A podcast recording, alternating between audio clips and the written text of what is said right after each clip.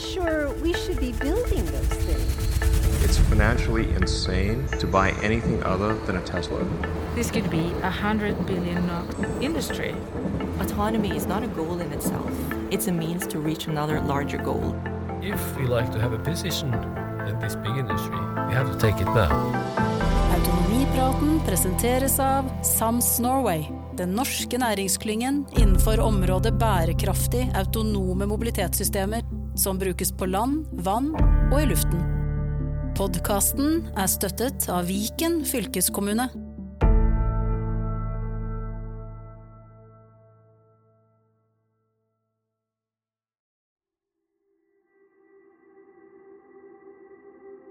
Hei, mitt navn er Eirik Newth, og jeg er astrofysiker og fremtidstenker.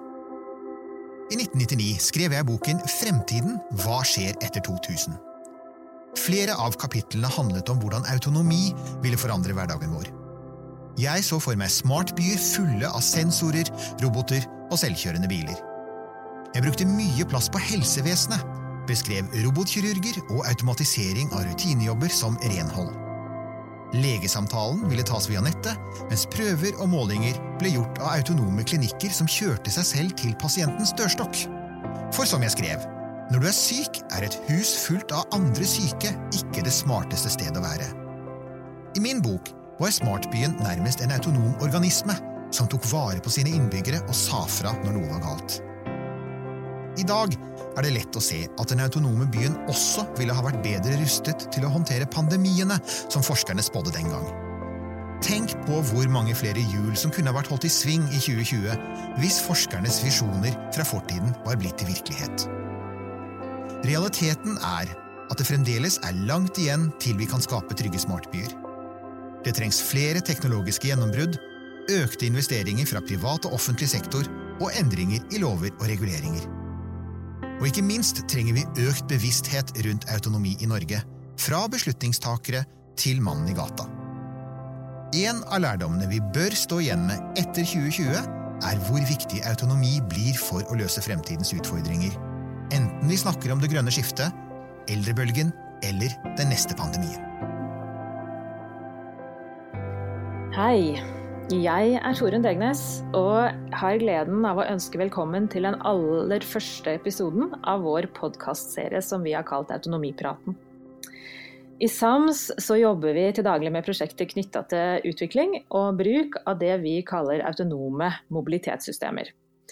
Det kan være eksempelvis selvkjørende busser, båter eller droner av ulike typer. Innledningsvis så hørte vi nå Eirik Newt, vår inhouse populærvitenskapelige tenker og kommentator, som reflekterte over sine fremtidsbilder for oss. Og vi skal nå i gang å snakke om dagens tema, som nemlig er hvilken plass har autonomi i samfunnet?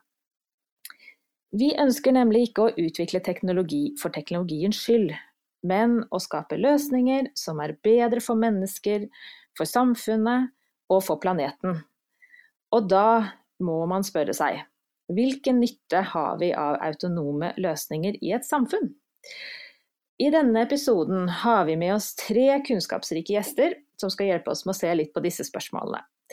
Sammen skal vi prate om hvilken rolle vi ser at autonomi og autonome systemer kan ha i samfunnet, men hvordan de kan være til gagn for oss, og eventuelt hvilke baksider vi kan se. Så Sammen med meg i vårt heldigitale studio er jeg derfor svært glad for å ha med meg tidligere samferdselsminister og nå CEO i Hydrolift Smart City Ferries, Ketil Solvik-Olsen. Fra Viken fylkeskommune har vi med oss Hanne Botten, som er seksjonsleder for Framtidens transporter. Og ikke minst så har vi med oss Even Aas, som er konserndirektør og samfunnskontakt hos Kongsberg Gruppen. Hjertelig velkommen alle sammen. Veldig hyggelig å ha dere her. Takk for det. Vi eh, skal nå uh, snakkes litt om autonomi i samfunnet. Og med bakgrunn i den refleksjonen som Eirik uh, refererte til oss uh, i den innledningen, så har jeg lyst til å bli litt kjent med dere og høre hvilke forventninger har dere til Eh, teknologi og autonomiens rolle i våre liv hvis vi kikker 10-15 år framover, hva tror vi at kommer til å være hverdagene våre da? Um, Ketil, hvilke håp og forventninger har du til autonomi og teknologi i samfunnet fremover? Jeg syns den utviklingen som skjer nå er veldig spennende å følge med på. Og jeg tror jo at vi vil bruke det stort sett til gode ting for, eh, for oss. Eh, kunne få en rett og slett enklere hverdag med at mer av de små stressmomentene som du alltid må gå og huske på, og sånne ting, det vil kunne ordnes automatisk. At vi vil eh, oppleve økt sikkerhet og trygghet i samfunnet ved at vi lettere får hjelp hvis det uhell skjer, eller hvis en blir utsatt for noe som er uønska. Og at en gjerne kommer seg enklere rundt eh, i hverdagen. Eh, fordi at transportsystemene blir mer tilrettelagt for den enkeltes behov. I dag er det jo ofte bilen som gir deg den fleksibiliteten, men det betyr jo at folk som ikke har økonomi eller i en alder der du ikke kan kjøre bil, så mister du en del av den fleksibiliteten. Så stort sett, jeg håper det gjør at hverdagen vår blir enklere og bedre. Ja, det er jo noe vi må jobbe for, og noe som eh, er eh, fellesnevneren for alle vi eh, som sitter rundt bordet, tror jeg. Hva tenker du, Hanne? Hvilke utfordringer ser du at vi kan løse som vil påvirke hverdagen vår fremover? Jeg mm, syns det er interessant med autonomibegrepet i forhold til eh, den plassen det har i samfunnet sånn fra det grunnleggende sett, eh, med tanke på at vi skal tilrettelegge som samfunn med regler og rammeverk, sånn at uh, hver enkelt menneske har mulighet til å ta selvstendige og riktige valg for dem selv. Og det, det, å, det, å, klare å finne de løsningene som gjør at folk har tillit eh, og ønsker å ta dem i bruk. Eh, det tenker jeg er en sånn grunnleggende faktor, eh, og som er en stor motivasjon for å kunne jobbe med nye løsninger. Så det brukeranvendeligheten i å klare å få frem det bildet i det hele, det tror jeg blir det helt avgjørende for å lykkes. Tror du vi kommer til å ha selvkjørende busser som en del av hverdagen vår når vi ser ti år fremover? Ja, noen har jo allerede det som hverdagen eh, på Kongsberg. Kjører buss i rute. Så noen type mm, Altså ut, videreutviklingen i forhold til de sporene man har per nå, om i hvilken grad eh, kjøretøyene skal være fullstendig oppkoblet. Eh, og kunne være i, i, full skala, versus at man kan ha noen eh, områder hvor eh, man de kan gå i avgrenset trafikk. Ehm, det ser vi jo et bilde på at det allerede er mulig. Ehm, men den fulle tilretteleggingen der alt eh, flytter eh, sammen, det har vel flere sagt at de ikke ser helt for seg ennå. Nei, det tar jo eh, ting, tid. En del av disse tilvenningene ser vi jo. Men, men, vi har jo også allerede autonome systemer rundt oss i det daglige. Jeg tenker jo at vi har Eh, I hvert fall har jeg eh, en eh, robotgressklipper. som har fått elegante navnet Grasal, som vi er veldig glad for gjør jobber for oss i, i hagen. men Even Kongsberg-gruppen har jo jobbet med autonome systemer gjennom veldig mange år hva ser du vil være den altså hvor, hvor, langt tror vi kommer i løpet av de neste 10-15 årene? Hvor stor påvirkning får det for samfunnet vårt uh, at vi tar i bruk dette mer og mer i større og større grad? Det er nok litt der Ketil var også, at jeg tror det er tre stikkord som uh, gjelder for autonomi. Det ene er at det må bli enklere, sikrere. Og så ikke minst så mener jeg dette er en del av det virkelig grønne skiftet. For autonomi vil være en viktig del av det grønne skiftet. Eh, og det er jo det jeg håper å si, Det er to ting vi opplever nå om dagen. Det ene er store makrotrender. Det ene er digitalisering, og det andre er jo det grønne skiftet. Og der hører autonomi definitivt uh, har en plass. Det, men jeg hadde jo lyst når vi skulle ha en sånn autonomiprat, og så starte der egentlig ordet kommer fra. For det er litt der både Hanne og Ketil var òg. Det er jo egentlig, det kommer fra gresk. Og det betyr jo egentlig å lage sine egne lover eller bestemme sjøl. Og, ja, og det er jo egentlig det autonomi også handler om teknologisk. Og som, si, når du stiller meg det spørsmålet hva Kongsberg Gruppen tror ved å jobbe lenge med autonomi, så, så, har vi jo evig tro vi på, som en av Norges fremste teknologibedrifter at teknologi er en del av løsninga. I nabolaget mitt så går det jo to selvkjørende busser rundt nå på Ormøya og Malmøya. Eh, fantastisk interessant å se de to rusle av gårde, eller trille av gårde. Eh, det kommer til, og Jo mer sånne drypp vi får, jo sikrere blir folk på at dette kommer til å funke. Og det er som Ketil sier også, det er, Hvis du er, blir eldre, ikke kan kjøre bil sjøl, da hadde det vært veldig fantastisk om ti år eller fem år eller noe sånt, at du har selvkjørende biler som kan hente deg hjemme, og du kan komme på butikken eller på kinoen.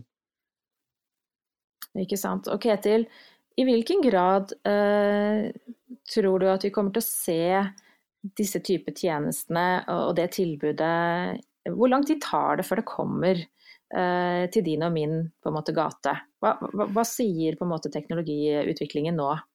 Så Teknologiutviklingen i seg selv går veldig fort, men det er vanskelig å spå. Er det ett år, fem år, ti år? Det ene handler jo om teknologien i seg selv, så handler det om lovverket som muliggjør at du tar den i bruk. Og til slutt så handler det jo om stoler vi på det? Er hvor, vi som privatpersoner, aksepterer vi det, vil vi det?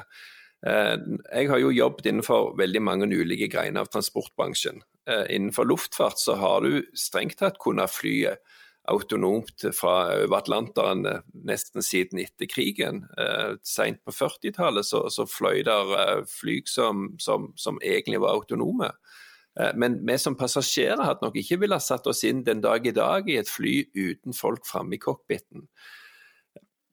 Men tilvenningen vil endre seg. Eh, det er ingen av oss i dag som er skeptiske å gå inn i en heis, selv om det strengt tatt er vel noen av de mest autonome systemene som finnes, med at de ordner seg selv uten at noen sitter og overvåker det på noen måte. Men, men vi stoler på det. Jeg tror at ting vil ta fortsatt litt tid, men vi snakker om år og ikke tiår. Ehm, jeg jobber jo eh, både innenfor Hydrolift, som, som eh, utvikler autonom byferje, men jeg har òg en rolle inne i Seabrokers i Stavanger med forretningsutvikling. Og Der har vi god kontakt opp mot The Boring Company, eh, selskapet til Elon Musk i USA, som lager tunnelsystem med autonome biler. Innenfor mer kontrollerte omgivelser som en tunnel er, eller som ei beskytta elv er, så tror jeg at aksepten vil være mye større for å få autonome system på plass, enn hvis du f.eks.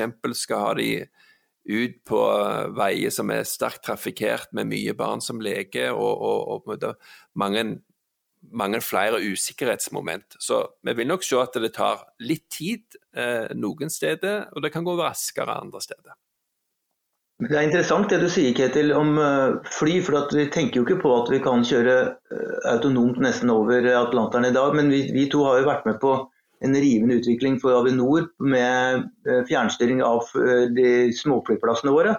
Og Det finnes jo nesten ikke en sektor i dag som er mer regulert og der kravene til sikkerhet er størst. Men allikevel så har Norge greid å, å komme fram til en ny løsning for småflyplassene våre med å styre de remote.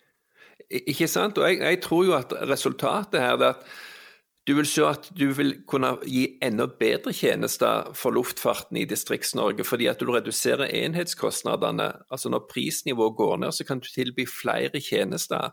Det er jo enkelte som ser for seg at men nærmest nå bruker vi teknologi, så blir resultatet at flere blir arbeidsledige, og så gjør du akkurat de samme jobbene bare med maskiner. Men verden er jo full av uløste problem, så her kan vi jo bruke teknologien til å slutte med de måte, repetisjonsjobbene som folk egentlig syns blir kjedelige i lengden, og heller sørge for at arbeidskraft og tankekraft brukes på å løse de problemene som i dag er uløst. Så jeg har jo veldig tro på at teknologien, når folk ser nytten av det, vil synes at dette er veldig bra. Men det som jo er en av utfordringene som vi som samfunn må ta inn over oss, det er at det er alltid noen som vil bli berørt negativt, som vil måtte omstille seg. Og De må fortsatt føle at de har en rolle, er med på et lag og har oppgaver som, som de kan være med på videre, så du ikke får et strekk i lag og dermed får veldig mye motstand mot å ta teknologien i bruk. Men, men, samtidig så mener jeg jo at eh, den digitale revolusjonen nå gir oss nye muligheter i, i, Norge til å både ta hjem verdiskapning, men også være i, i, forkant på de områdene vi er gode på. Og Norge Mm. viser seg å være veldig innovative når vi kommer til våre spesialområder. Da. Enten om det er på havet eller på andre steder. Jeg har lyst til også å, å høre med deg, Hanne, i forhold til eh, hvordan en fylkeskommune ser på denne teknologiutviklingen. Hvilke oppgaver, eller hvilke eh, måte, ja, oppgaver har dere som, i forhold til dette med samferdsel og, og transportplanlegging, som dere nå kan tenke annerledes i forhold til når teknologien eh, er under utvikling i den retningen den er? Nei, vi står jo midt i, i planleggingen av neste handlingsprogram fra 2022 til 33, nei, 2022 og utover. Og vi har utviklet en samferdselsstrategi nå. og det, det, å, eh, det at eh, hele organisasjonen eh, har med seg eh, teknologi som perspektiv i forhold til eh, hvilke muligheter og når ting kan slå inn i forhold til hvordan vi skal planlegge, bygge og vedlikeholde veiene våre. Det merker vi. Altså, det er en sånn generell kunnskapsløft og oppmerksomhet på det. Selvfølgelig så, Jeg skal ikke si det hjelper at budsjettrammene er trangere, men, men fokuset på at man ikke kan bygge seg ut av, eh, av problemstillingene, men at vi skal ta i bruk det veiarealet vi har eh, på en bedre og mer effektiv måte, det gir et eh, Det åpner bevisstheten og ønsket om å å, å, prøve ut eh, nye løsninger. Og vi har heldigvis eh, politikere som er opptatt av det. De har jo hele tiden vært opptatt av eh, autonomi og de utprøvingene og de dryppene som Even nevnte. Jeg syns det var fint, fin beskrivelse. og på samme tid så, så har vi jo et et fylkesråd som, som, er tydelig på at han ønsker at vi skal pilotere, og at vi skal kunne prøve og feile. Og når vi har det som en rammebetingelse, så er det veldig mye enklere som organisasjon å ta initiativ eh, og få prosjekter og eh, delta aktivt på samarbeidsarenaer eh, både i egen region og nasjonalt og internasjonalt. Ja, for det er jo et uh, spørsmål som uh, vi ofte på en måte er uh, også diskuterer, er i hvilken grad betinger dette samarbeid på tvers av sektorer og bransjer? At vi skal få disse systemene til å fungere. Hvordan, hvordan ser dere på det i, i Viken, Hanne? Jo, vi, vi ser Altså vi er på en måte både kollektivforvalter, vi skal tilrettelegge for den helhetlige mobiliteten. Og som veiforvalter i forhold til det ansvaret vi overtok fra 1.1. dette året, så har vi jo en, et sånt totalt, totalansvar på, på det som jeg tenker handler om integratorrollen integratorrollen i, i forhold til å være en offentlig myndighet. Det å tilrettelegge for eh, samarbeid, eh, delta aktivt eh, på det. Da tenker jeg delta inn og kunne bidra til forskning og utviklingsmidler. det å kunne ha et, stor bevissthet om hvordan vi kjører anbudsprosesser, at vi åpner opp for et større marked. Og da, trenger, da er Viken altfor lite. Vi, man, da må vi gå sammen med andre veieiere for å på en måte få, få, få bredt ut problemstillingene. Så den aktiviteten inn og det å kunne tilrettelegge altså ved å tilby egen infrastruktur som testarenaer der det er behov for det. Så vi har en, en viktig sånn integrerende rolle som offentlig myndighet som vi prøver, å, prøver å, å ta mer og mer. Og det regulative er det jo på en måte i stor grad nasjonale myndigheter som har hovedansvaret for gjennom ITS-direktivet og ITS-loven. Men vi deltar aktivt inn og følger godt med på, på, det som skjer i EU og de diskusjonene som går mellom Industri og Telekom og Seacam og det som, som ligger der. Så det er viktig for at vi bringer de lokale problemstillingene som fylket skal ivareta inn i den debatten og blir aktive, eller er og, ønsker fortsatt å være aktive der. Ja, ikke sant. Og, og, Ketil og Even, hvor viktig er det samarbeidet både på tvers av bransjene, altså i næringsmiljøene, men også med de, de, de, krevende kundene, kan vi kalle det det, når vi nå skal utvikle transportsystemene. Ketil, har du begynner der? Det samarbeidet er veldig viktig, og jeg tror Norge i, i seg selv egentlig har en konkurransefordel. For selv om det er smarte folk i hele verden som sitter og utvikler systemene, så er Norge, fordi vi er såpass små og såpass lavt hierarki og tett integrert mellom ja, alle ledd i samfunnet, et, et, godt sted å gjøre ting. Rett og slett fordi at vi lettere kan snakke sammen og, og, og se hva må vi få til for å etablere noe. Jeg har jo bodd eh, flere perioder i USA, og, og selv om det er et fantastisk land på mange måter, så er òg avstanden så mye større rett og slett pga. størrelsen.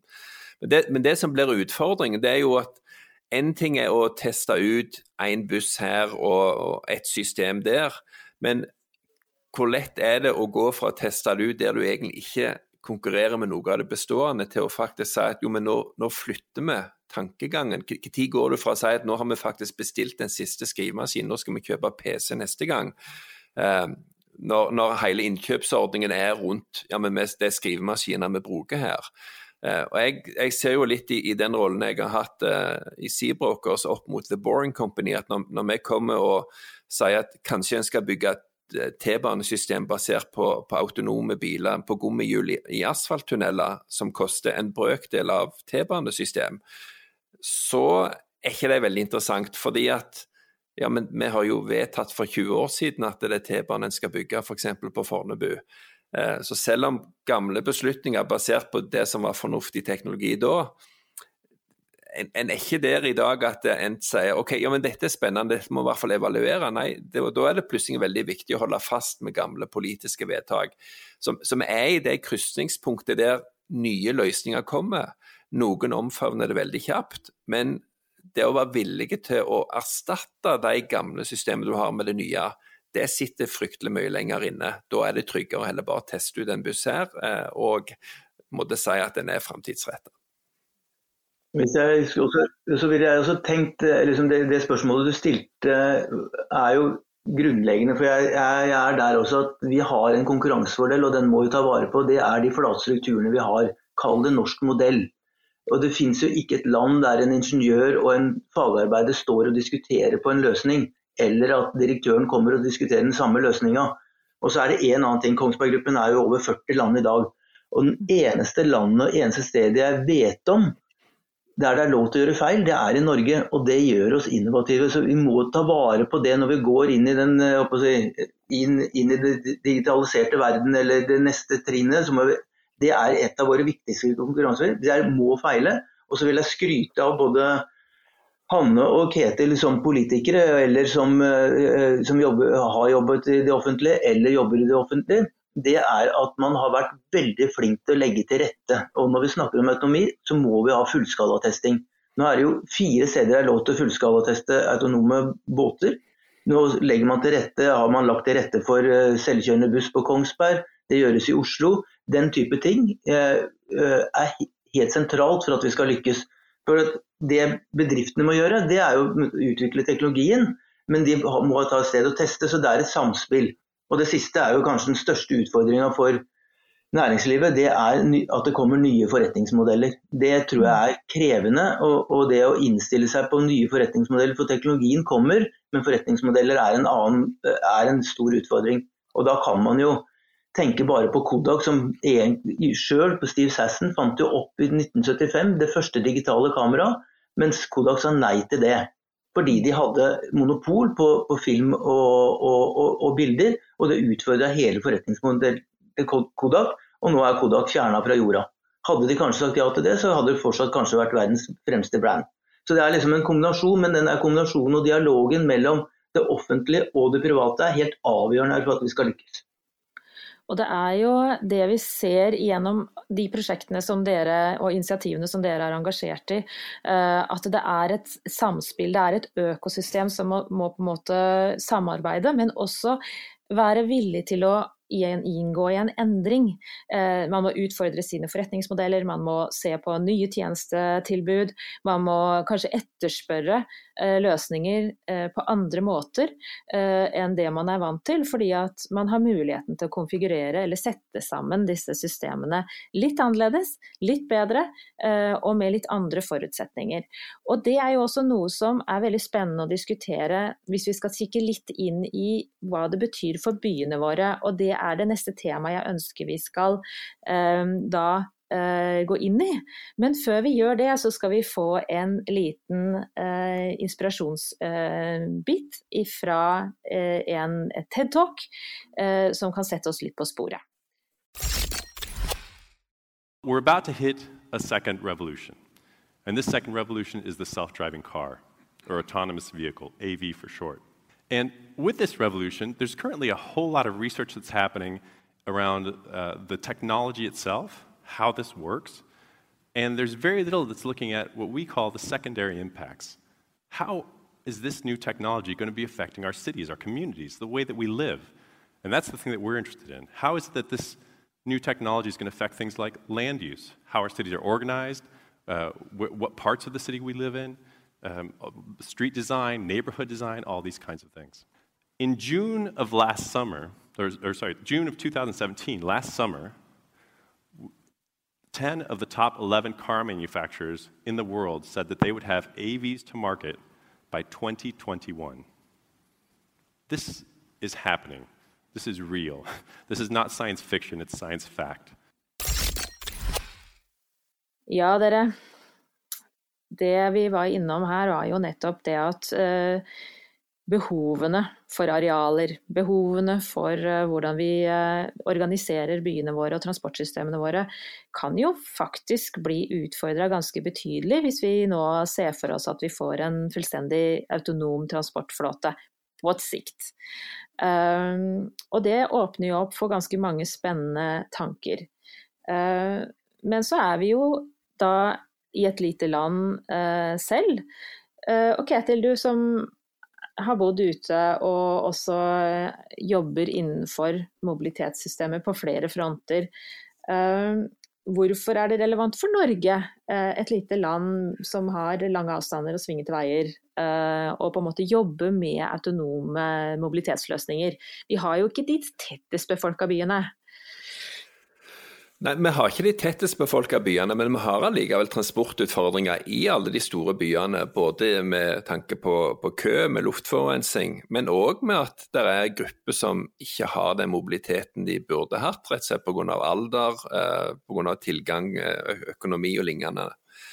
Jeg tror jo at Norge gjerne er et av de stedene som raskest kan ta og dra nytte av eh, det teknologiløftet som er nå, fordi at vi har en tenkning på at vi skal utvikle gode kollektivsystem, i, spesielt i byene våre. Og autonomi er jo egentlig aller best med tanke på det, fordi at da har du et litt mer begrenset geografisk område du skal ta det i bruk i.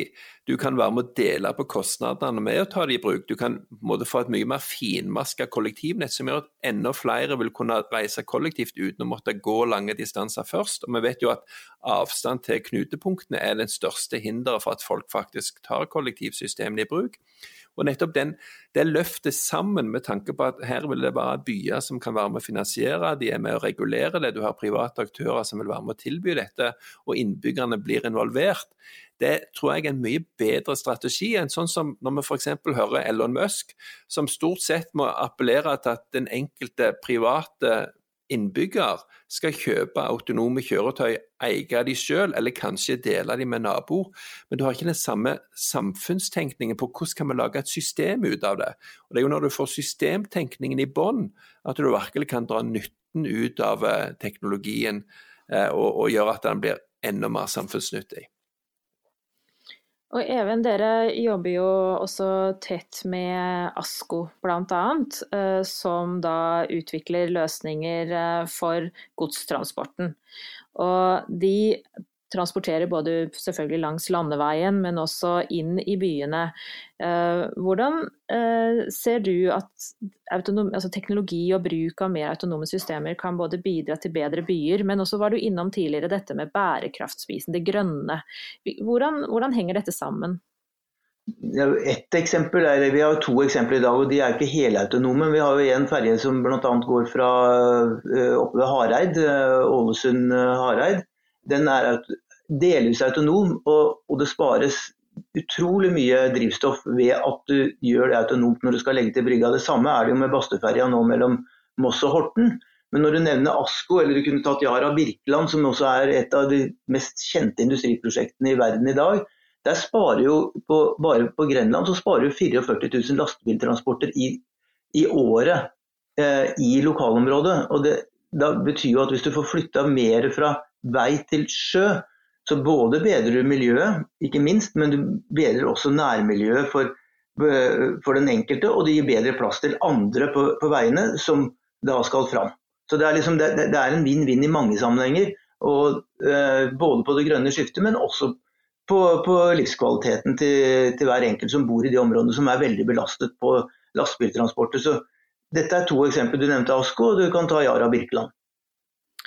Og Det er jo veldig gøy at vi har flere gode eksempler, og ikke minst som du sier også, at dette er jo noe som allerede er tatt i bruk eh, delvis, eh, både av Bastefosen og, og andre ferjeselskaper. Sånn at selv om vi eh, nå hører at eh, ting også kan ta litt tid før vi får dette på en måte enda større grad eh, synlig i, i, hverdagen, så er det ikke science fiction i den forstand. Det er løsninger som allerede er i daglig drift. Men, men Hanne, hvis vi skal nå få til dette, som, som, det også ble nevnt her, at eh, byene på en måte kan eh, designes annerledes. Vi trenger ikke den samme type mengde parkeringsplass, vi kan frigjøre arealer. Og kanskje når vi da ser på, på Yaras prosjekt hvor man tar ut så mange lastebiler fra transportnettet, eller fra veinettet, uh, Hvilken, hvilken, betydning, Hvordan diskuteres på en måte potensielle konsekvenser av teknologien når dere planlegger fremover for transporten? Eh, det, ser dere at det vil være nødvendig med andre prioriteringer, eller at dere kan disponere måte, arealer og, og, budsjetter annerledes? Hvordan, hvordan jobber dere med det? Eh, jeg må bare først og fremst si at Det er veldig inspirerende at det skjer så mye i nettopp den regionen vi holder til. Eh, og det som skjer med utprøving i forhold til ASKO, eh, har vi veldig mye glede og nytte av i forhold til andre prosjekter som, som de tar, tar, del i sammen med oss. Og det, jeg, jeg er litt fristet til å si at det at vi merker altså det, er, det, er, det, er, merkbart allerede nå at, systemet, altså at systemet rundt begynner å, å endre rammebetingelser, hvordan vi tenker. F.eks. dette med delingsløsninger. Eh, det ser vi at tas eh, stadig mer i bruk. Vi ser at folk er eh, mer motivert til å gjøre det, så er det selvfølgelig litt uh, ujevnt om du bor Men nå er vi liksom by, litt nære byområder. og at for meg som bor her i Oslo, så er det jo bare å observere hvordan eh, sparkesykler og ungdom eh, de er ikke interessert i å eie sine egne sparkesykler, fordi vi bruker de som er tilgjengelige og de gir mye større fleksibilitet. Og, og, det vil jo på en måte både med bil og med mulig samkjøring gjøre at eh, jeg har liksom troen på at folk ønsker å ta disse transportene mer i bruk. Og dermed, når, de, når du kan få autonome kjøretøy inn i, den, i det bildet, så, så, vil på en måte kostnadsdelen av det eh, kunne bære det eh, et, et større og mer sømløst eh, tilbud for alle. Og det at vi også merker at byene er villige til å regulere med parkering og med restriksjoner i forhold til altså den litt bekymringen vi hadde for oss at alle skulle eie alle selvkjørende bilene skulle parkere inn i biler, skulle slippe oss av, og skulle de ut igjen og skulle parkere et parkeringshus. Altså, det var litt science fiction. og det, det, Vi ser på en måte at etterspørselen er eh, på et eh, annet sted. og eh, da, dermed så tenker jeg at eh, Eller i hvert fall går i retning av et annet sted. og derfor tenker jeg at det er eh, veldig interessant å kunne legge dette litt mer over til markedet og se Hvorfor vil sånn som disse minibussaktørene, hvorfor har vi ikke et ordentlig Er det ingen som tør å satse der? Altså det er fortsatt, man satser på teknologien, men eh, industrien i forhold til å ha et eh, karosseri som eh, er trygt nok til å kunne kjøre de på skikkelig vis, eh, det, det, det er fortsatt i, i, vente, eller på vent. Eh, så det er på en måte, utviklingen går jo på en måte, følger ikke nødvendigvis altså vi, vi ønsker på en måte at markedet også tar den delen, så vi kan se, se hvilken grad disse mindre kjøretøyene kan ta del av den helhetlige trafikken, og, og dermed at vi kan spare, spare areal i, eh, i forhold til eh, privatbilismen. Det her er jo en, en spennende spørsmål å, å, ta videre både til, til, Even og Ketil. hvor sitter sitter investeringsbeslutningene her? Altså, Hanne sier at hvor, vi trenger sikrere busser, eller vi trenger at, at, industrien eller markedet nå på en måte kan tilby det vi ønsker å se og det vi ønsker å etterspørre. Hvor, hvor, hvordan ser dere på det som nå sitter i, i næringsposisjoner? Er, det, er markedet klart? Kom, er det etterspørsel etter disse løsningene? Jeg tror vi fortsatt er på pilotstadiet. Eh, og, og pilotstadiet mener jeg, jeg Da er det én viktig ting. og da Det sitter en enorm innkjøpsmakt i, i, det offentlige som da styrer byene eller styrer si, veldig mye av det andre som på ferjer og, og, sånne ting. og Da tror jeg det er viktig. Vi har ett stort virkemiddel, det er offentlig innkjøp. og jeg håper og tror vi kan bruke det til gunst for å få disse pilotene i gang. For når du får pilotene i gang, så får du en referanse. I hvert fall for et selskap som Kongsberg, så har vi jo over 8% av omsetningen utenfor landet. Men det starter alltid i Norge med en norsk referansekunde. Og Da blir det et volum, og da har du et verdiskapningsgrunnlag som gjør at du kan utvikle enda nye løsninger igjen. Men det off offentlige innkjøp er en nøkkel her. og jeg har i mange, mange år, det er kanskje overdrivet, men i hvert fall i flere år nå, eh, argumentert for at vi burde lage en offentlig innkjøpsenhet med, på ekspertnivå som fylkeskommuner, kommuner og statlige innkjøpsetater kan bruke for å være trygge på at de kan ta det innovasjonsløftet som man kan gjøre gjennom offentlig innkjøp. Man kjenner EØS-regelverket, og, kan, øh, og, og, at det kan da bli et norsk innhold etter hvert da, som er resultatet. Det tror jeg vi kunne trengt. og det, liksom, Jeg vet ikke hvordan Hanne føler det, men jeg ser jo på andre fylkeskommuner og kommuner at man ofte ender ned på pris, og ikke på innovasjonsløsninger. Det er, det er, jo det som har vært en del av utfordringen til nå, det er at vi piloterer i smått. Eh, og den hver enkelt pilot er veldig interessant for de som er en del av den. Eh, men det å på en måte bygge på hverandres eh, erfaringer og, og få, få, et større volum og en et større bevissthet om hvordan det skal skaleres opp etter en enkelte pilotering, det er jo, det er jo et sånt eh, helt vesentlig eh, spørsmål om hvordan, hvordan vi tar, tar, den, eh, får til en videre utvikling. Så vi har, vi har også et ansvar i, i, den sammenheng, det er helt klart.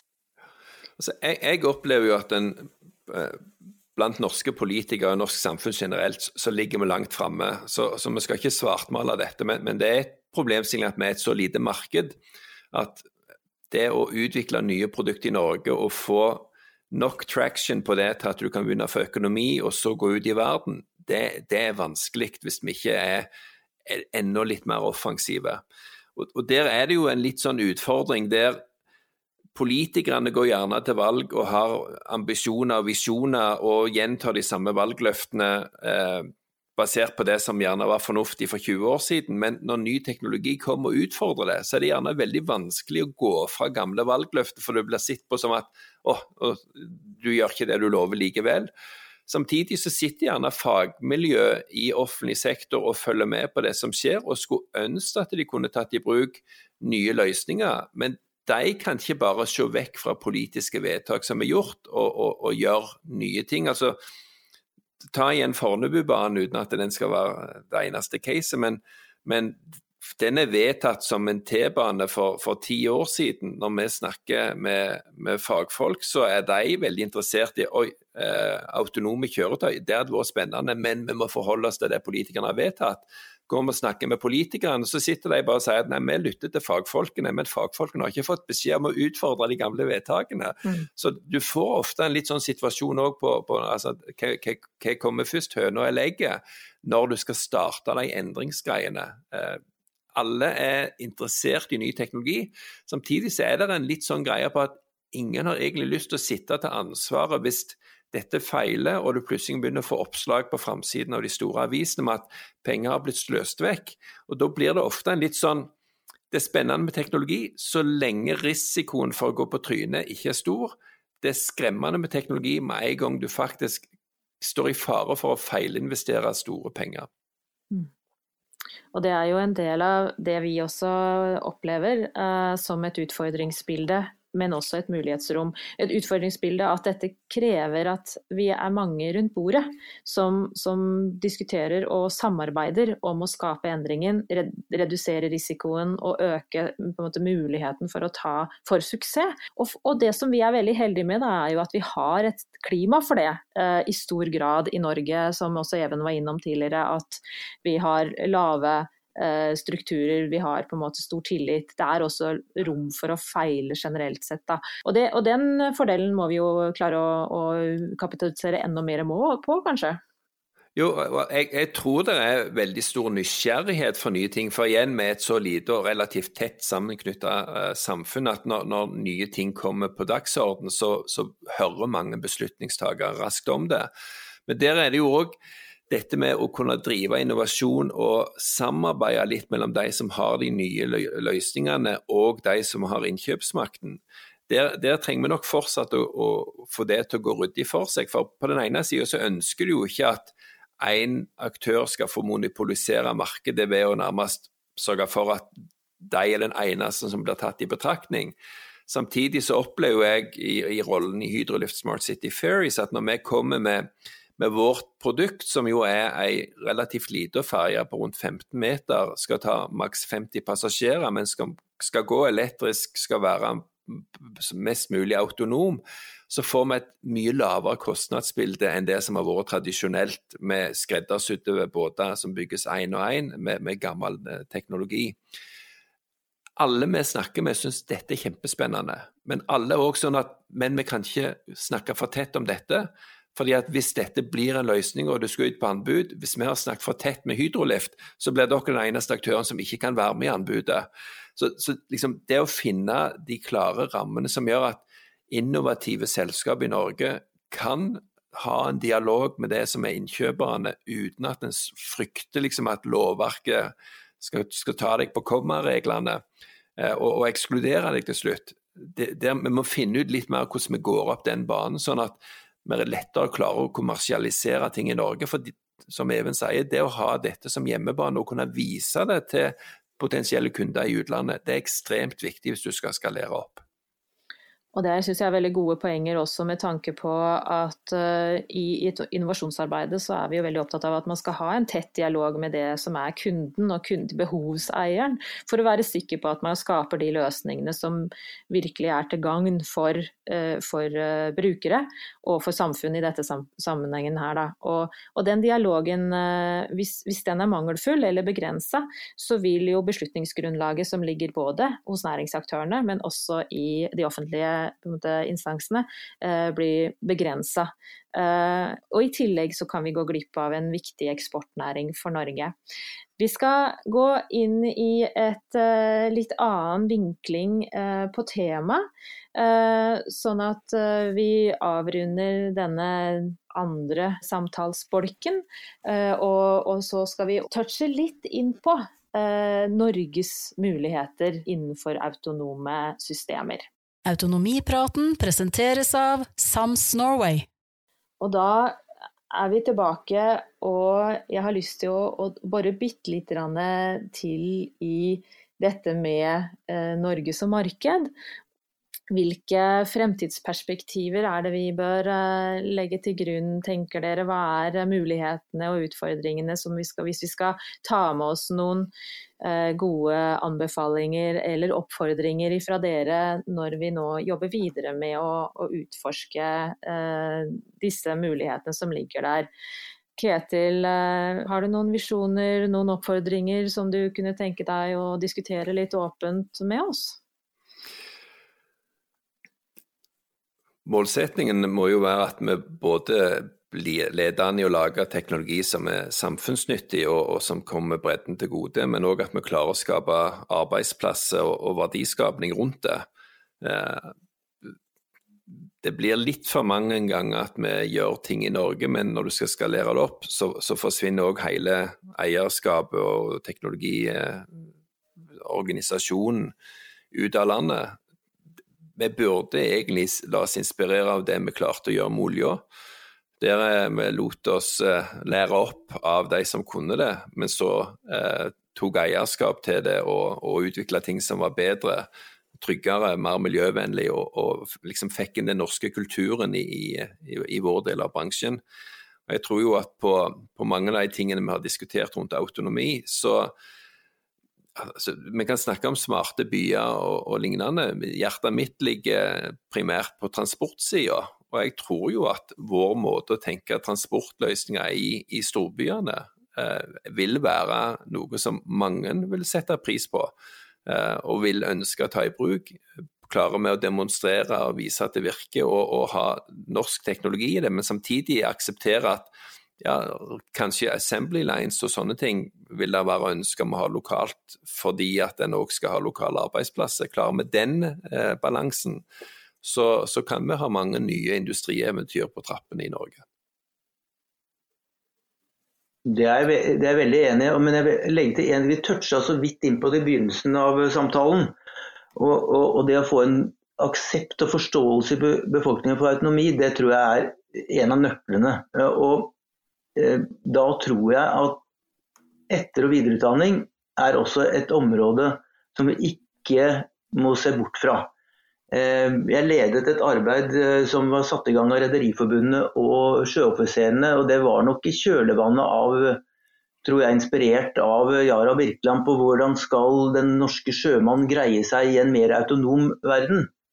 Eh, og jeg må si at Det var offensivt av sjøoffiserene og Rederiforbundet å ta tak i dette, men det var to konklusjoner ut fra det arbeidet. Det ene var at det måtte komme et tettere samarbeid mellom selvfølgelig eh, de maritime skolene og industrien. Men det andre var etter- og videreutdanning. og Det tror jeg er en nøkkel for å få en aksept i samfunnet for å gå den utviklingen vi alle tror kommer, men også at vi kan uh, få en gevinst av det. Så det er uh, en ordentlig viktig del i dette her. Én ting er teknologi, én ting er fullskalatesting, forretningsmodeller, alle de tingene som må på plass. Så tror jeg etter- og videreutdanning kommer til å være helt sentralt. Hanne, hva er dine fremtidstanker rundt uh, både teknologien og samfunnsutviklingen uh, knytta til uh, autonome systemer?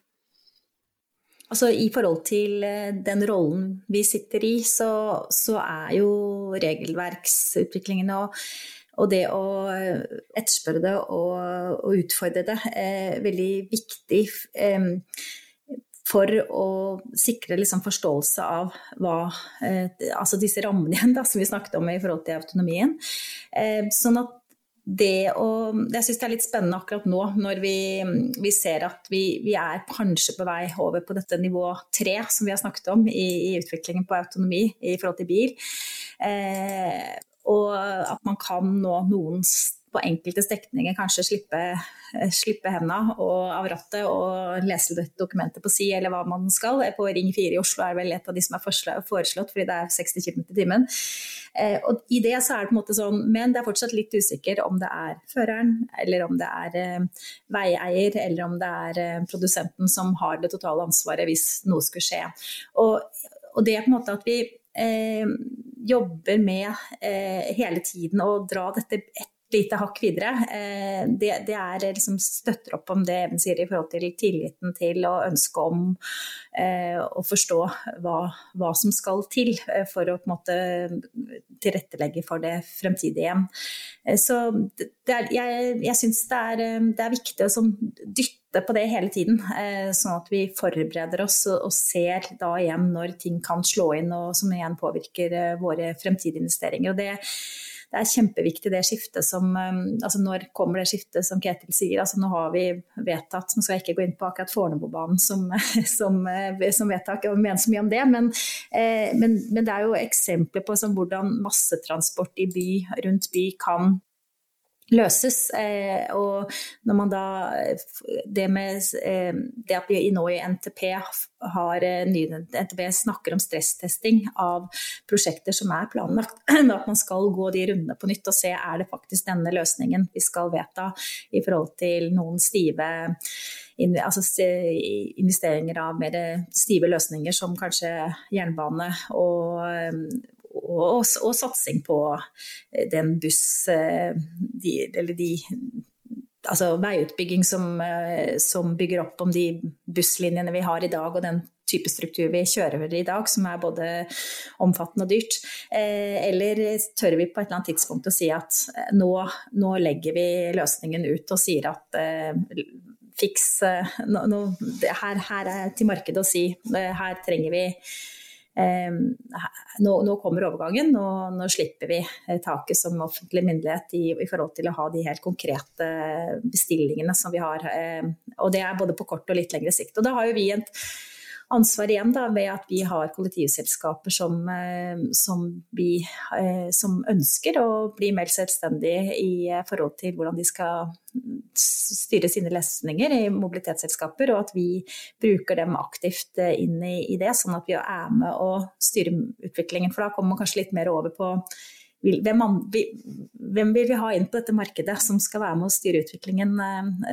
Klarer vi å ta tak i det selv, eller er vi eller klarer vi å påvirke det nok selv, eller er det andre aktører som kommer? Jeg tenker, Nå kommer Amazon og etablerer seg, det er kjempespennende i forhold til transportindustrien. Eh, hvilken eh, påvirkning vil fremtidig etterspørsel etter tjenester som de leverer? Blir jeg veldig mye mer interessert i å kunne få enda flere tjenester rett på døren? Får jeg dem via droner? Altså hele det bildet som ligger der. Og hvilken da rolle vi klarer, i hvilken grad vi klarer å være med å styre den utviklingen som offentlige aktører.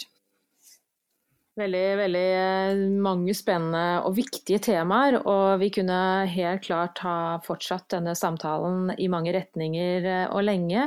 Eh, jeg tenker vi skal begynne å gå inn for landing.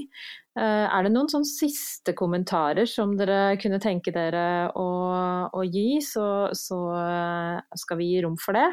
Det er jo starten på en, eh, en, eh, serie og episoder vi, eh, vi, nå er inne i.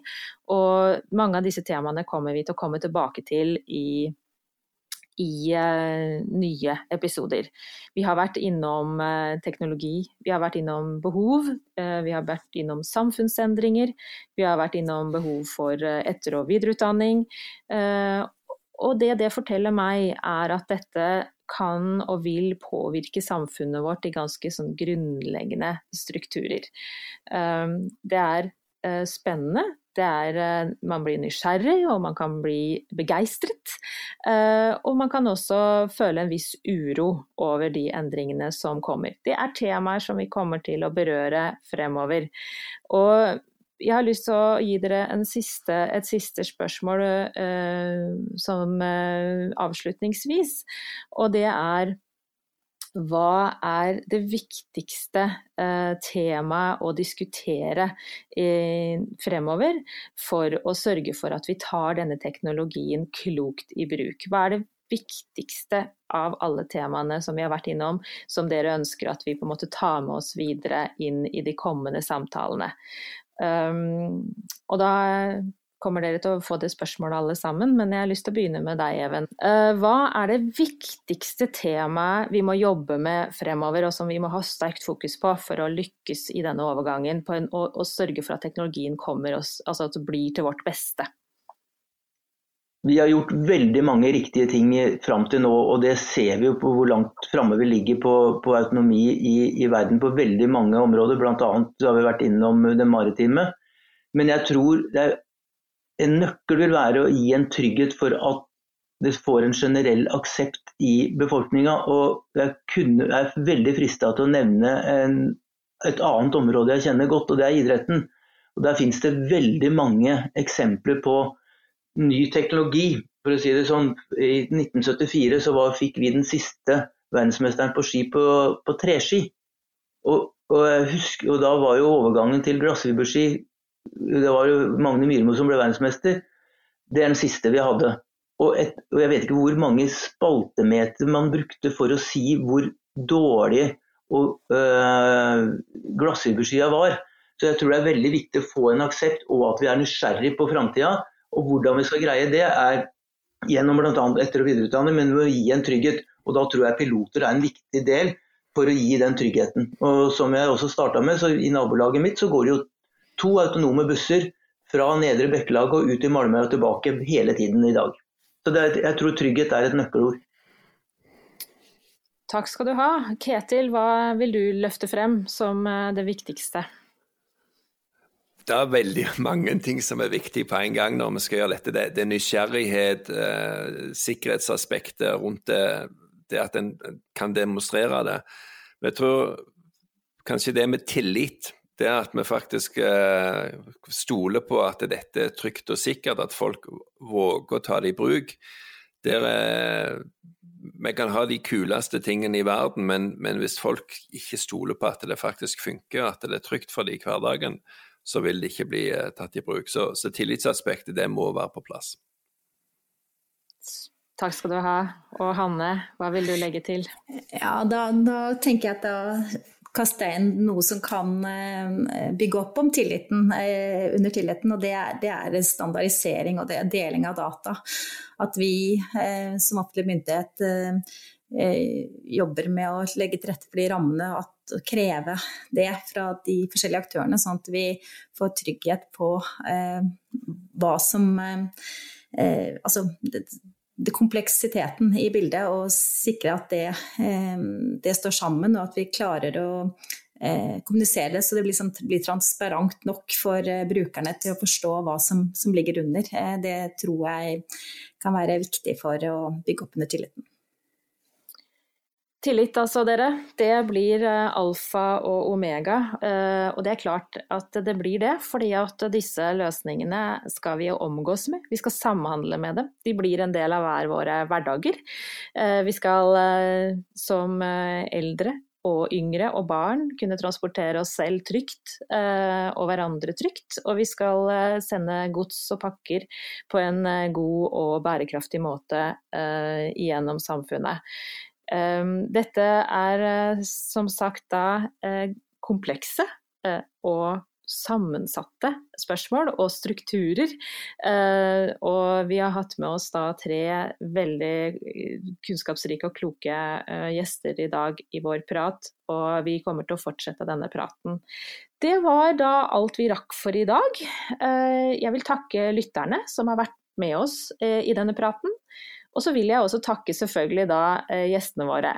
Ketil Solvik-Olsen, Hanne Botten og Even Aas for at dere kunne dele deres tanker om hvordan samfunnet kan påvirkes av denne spennende teknologien som er på dørterskelen, eller som vi allerede har litt rundt oss, og ikke minst kommer til å påvirke oss i stor grad fremover. Så da vil jeg eh, ønske dere velkommen igjen til neste episode, der altså næringsutvikling står på programmet. Og Husk å abonnere på podkasten i iTunes og Spotify, og ikke glem å følge oss på sosiale medier. Så skal du unngå å gå glipp av en episode. Takk for oss, og vi høres. Takk for at du lyttet til Autonomipraten. Du kan også følge oss på sams-norway.no. Sams Norway er støttet av Innovasjon Norge, Viken Vestfold og Telemark fylkeskommuner.